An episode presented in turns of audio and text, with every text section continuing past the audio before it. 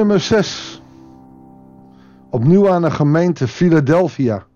Philadelphia. is maar net uh, hoe je het uitspreekt.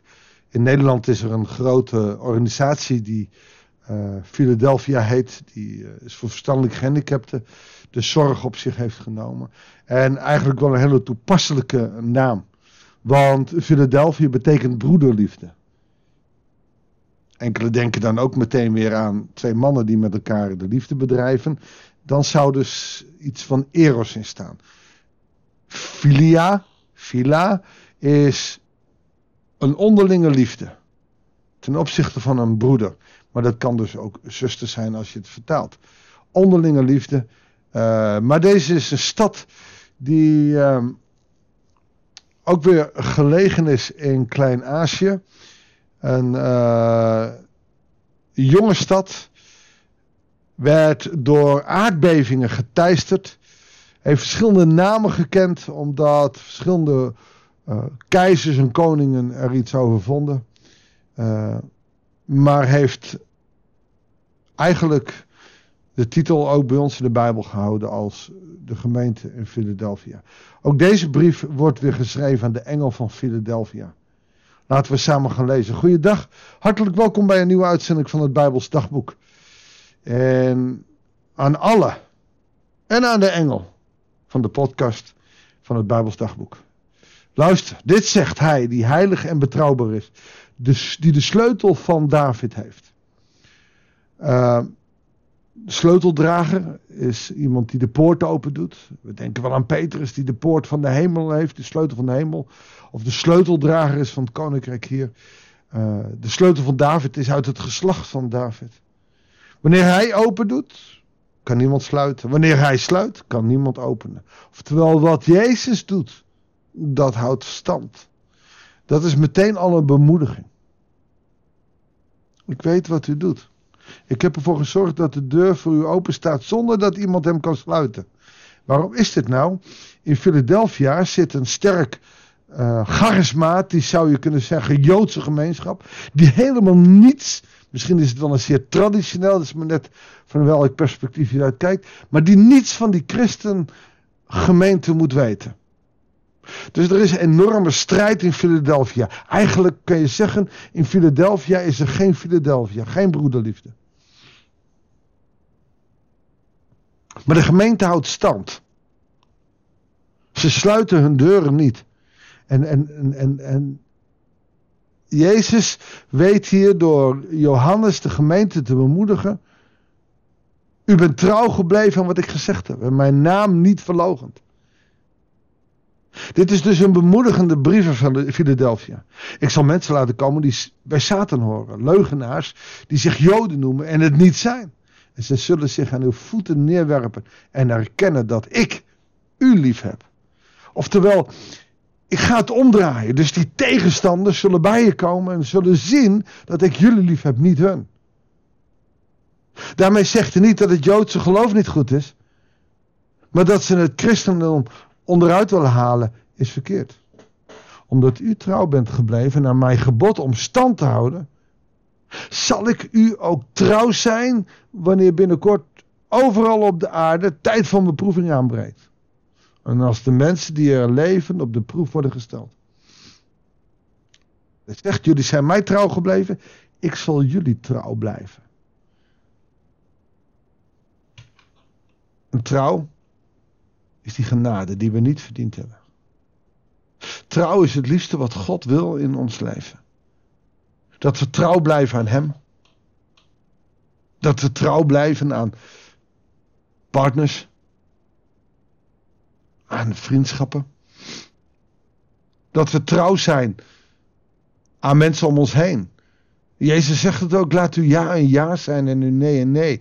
Want als je zegt dat je doet, moet je het ook doen. Want als je het dan niet doet, dan ben je onbetrouwbaar. Het woordje trouwen komt er vanaf. God wil dat we trouw zijn. En als deze gemeente trouw blijkt te zijn aan hem, dan zegt hij, dan zal ik trouw blijven aan jullie. Want er komen beproevingen. Die beproevingen heeft de gemeente al genoeg meegemaakt kun je heel zwaar maken.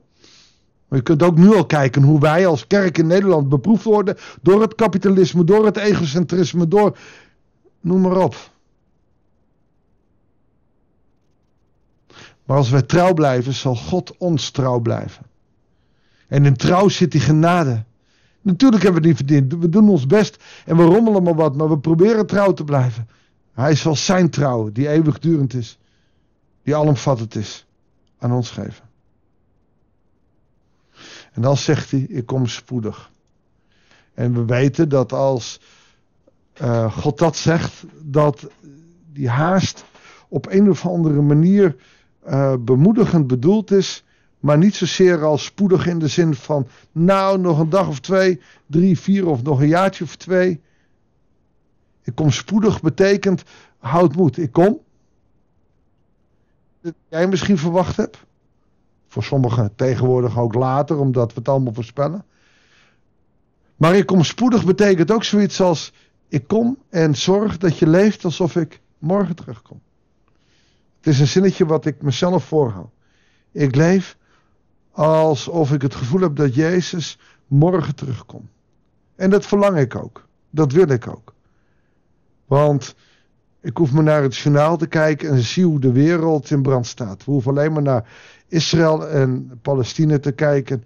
En uh, daar zijn duizenden doden en een grondoffensief zal dat niet verminderen.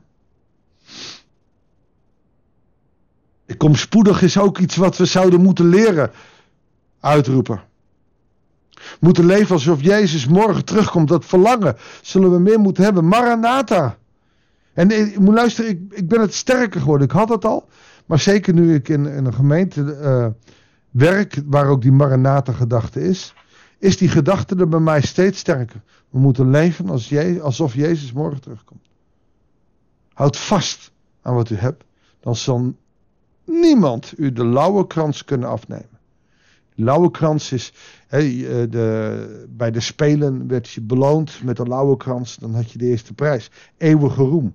En die eeuwige roem hebben wij kunnen ontvangen, die kun jij ontvangen als je trouw blijft. Dwars door alles heen. Dus je zou kunnen zeggen, die kerken die nu stand houden in deze tijd, zijn kerken die die lauwe krans zullen ontvangen.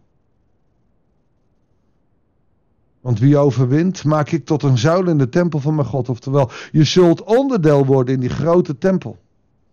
Ik vergelijk het ook wel eens dat God is bezig met het bouwen van die nieuwe hemel en nieuwe aarde. En die, die glijdt straks over deze aarde heen.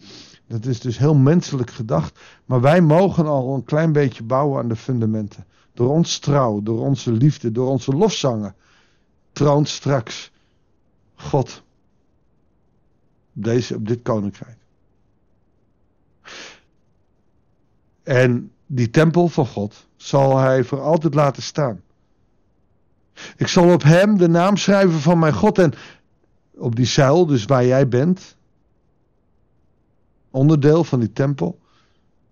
Ik zal op hem de naam schrijven van mijn God en van de stad van mijn God, het nieuwe Jeruzalem.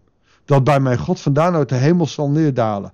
Lees straks ook maar eens hoofdstuk 21. En ook mijn eigen nieuwe naam. Wie oren heeft, moet horen wat de geest tegen de gemeente zegt. We zullen een nieuwe naam krijgen. Jij zal een nieuwe naam krijgen. Naam die bijzonderder is dan de naam die je nu hebt. Omdat die verbonden is met de naam van de eeuwige. Met de Almachtige. We mogen verbonden zijn met God. En wat moeten we doen? Trouw blijven. zelfs dat valt in deze tijd niet mee. Zullen we aan die trouw vasthouden? Zullen we maar gewoon om bidden? Trouwe God en Vader, want u bent trouw. U bent betrouwbaar. En u vraagt dat ook van ons. U vraagt van ons niet de wereld te veranderen, maar trouw te blijven. Aan u, aan onszelf en onze naasten. Zelfs dat is vaak al te veel gevraagd voor ons.